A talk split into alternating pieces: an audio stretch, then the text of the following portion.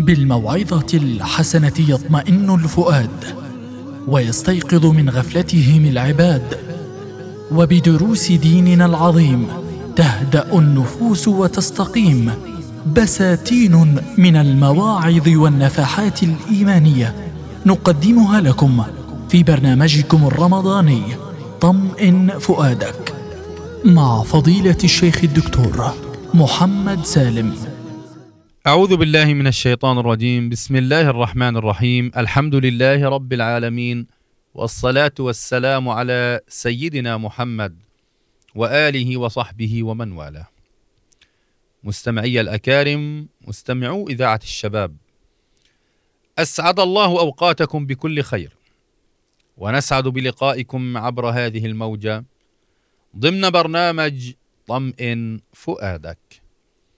لنتحدث في هذه الحلقة في ظلال موضوع قيم يرتبط ارتباطا وثيقا بالأخوة التي أرسى الإسلام دعائمها وأكد على حقوقها وتبعاتها.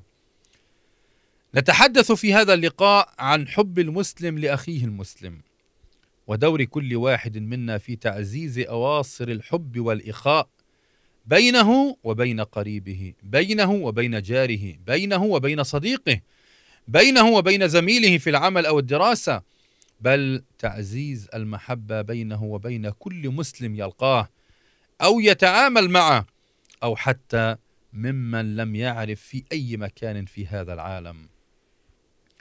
إن المحبة هي رأس مال المجتمع المسلم وهي أجمل صوره التي تنبئ عن الوئام والتلاقي بين أفراد المجتمع المؤمنين. وإن طبيعة العلاقة المنشودة في ظلال ديننا الذي يأمرنا بها ويحذرنا من التباغض والتنافر ويرصد الحوافز من عطاء الثواب للمتحابين في جلال الله في الدنيا والآخرة. ألم تروا أن الله تعالى مدح الأنصار الذين أحبوا إخوانهم المهاجرين؟ فقدموا صورة ناصعة في علاقة المسلم بأخيه المسلم. وما أحوجنا إلى الاقتداء ولا سيما في ظل ما نعانيه من عدوان مستمر وحصار ظالم من قبل الاحتلال. لقد آثر الأنصار إخوانهم المهاجرين على أنفسهم رغم فاقة بعضهم وشدة حاجته فاستحقوا حفاوة القرآن الكريم بهذا الصنيع.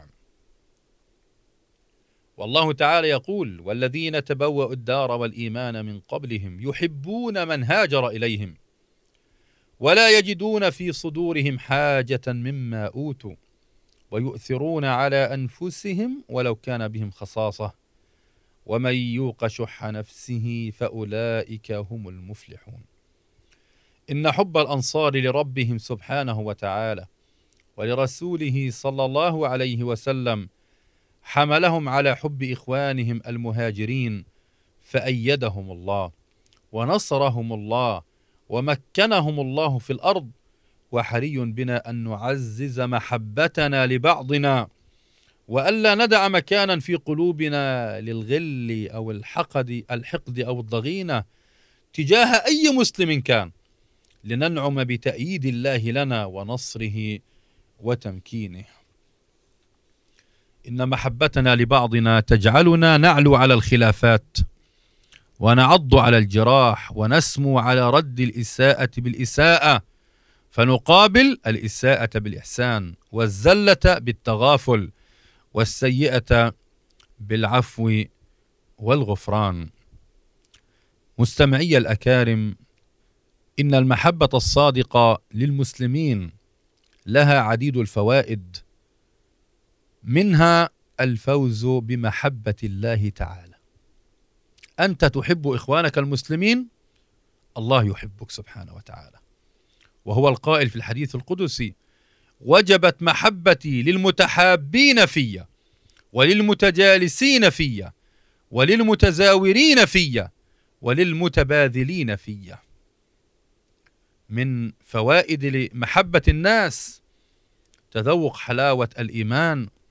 والنبي عليه الصلاة والسلام يقول ثلاث من كن فيه وجد حلاوة الإيمان أن يكون الله ورسول أن يكون الله ورسوله أحب إليه مما سواهما. وأن يحب المرء لا يحبه إلا لله وأن يكره أن يعود في الكفر كما يكره أن يقذف في النار. من فوائد محبة الناس أن يكون الإنسان في ظل عرش الرحمن يوم لا ظل إلا ظله في يوم لقاء الله تعالى. والنبي عليه الصلاة والسلام يقول إن الله يقول يوم القيامة أين المتحابون بجلالي اليوم أظلهم في ظل يوم لا ظل إلا ظلي. ومن فوائد محبة الناس أيضا تعزيز الإيمان بالله تعالى. فالمتحابون في الله يحبون الخير لبعضهم قولا وفعلا وفي هذا تعزيز للإيمان. والنبي صلى الله عليه وسلم يقول لا يؤمن أحدكم حتى يحب لأخيه ما يحب لنفسه. وهذه بعض التوجيهات التي هي مظنة تعزيز محبة المسلم لإخوانه المسلمين. اولا إفشاء السلام. لقول النبي صلى الله عليه وسلم لا تدخلوا الجنة حتى تؤمنوا. ولا تؤمنوا حتى تحابوا. أولا أدلكم على شيء إذا فعلتموه تحاببتم؟ أفشوا السلام بينكم. والنبي عليه الصلاة والسلام يقول المسلم من سلم المسلمون من لسانه ويده. إن إلقاء السلام لا يعني فقط مجرد علاقة شكلية لفظية بين الملقي والمستقبل.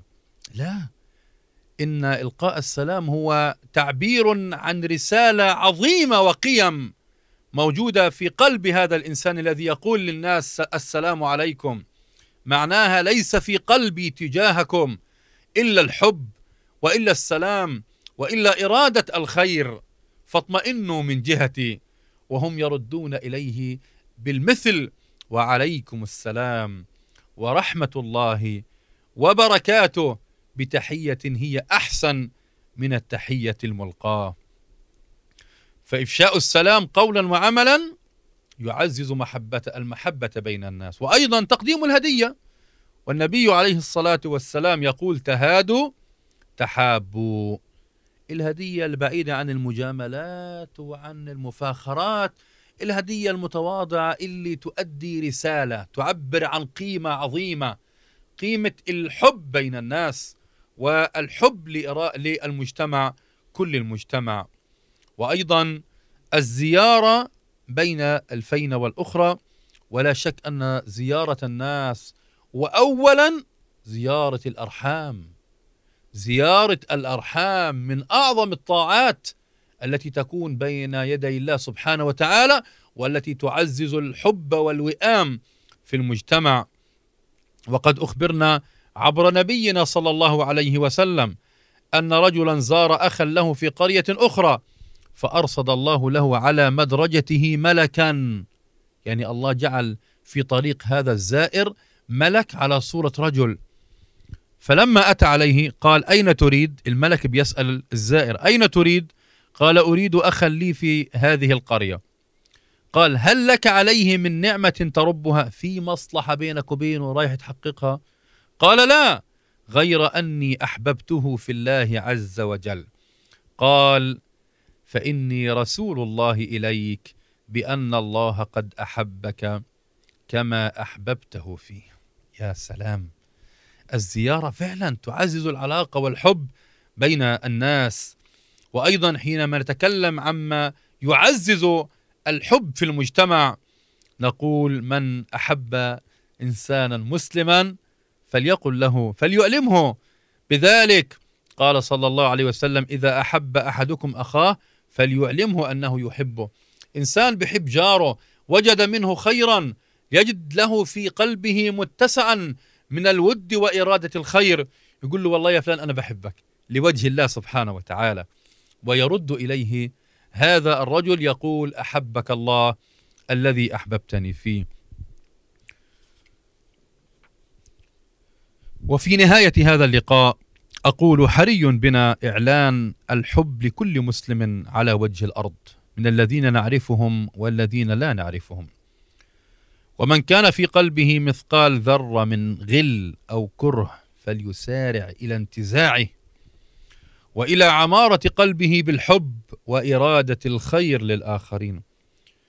عملا بقول الله سبحانه وتعالى والذين جاءوا من بعدهم يقولون ربنا اغفر لنا ولإخواننا الذين سبقونا بالإيمان ولا تجعل في قلوبنا غلا للذين آمنوا ربنا إنك رؤوف رحيم.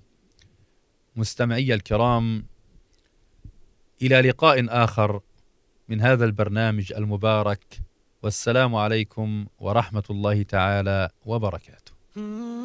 بالموعظة الحسنة يطمئن الفؤاد ويستيقظ من غفلتهم العباد. وبدروس ديننا العظيم تهدأ النفوس وتستقيم. بساتين من المواعظ والنفحات الإيمانية نقدمها لكم في برنامجكم الرمضاني طمئن فؤادك مع فضيلة الشيخ الدكتور محمد سالم.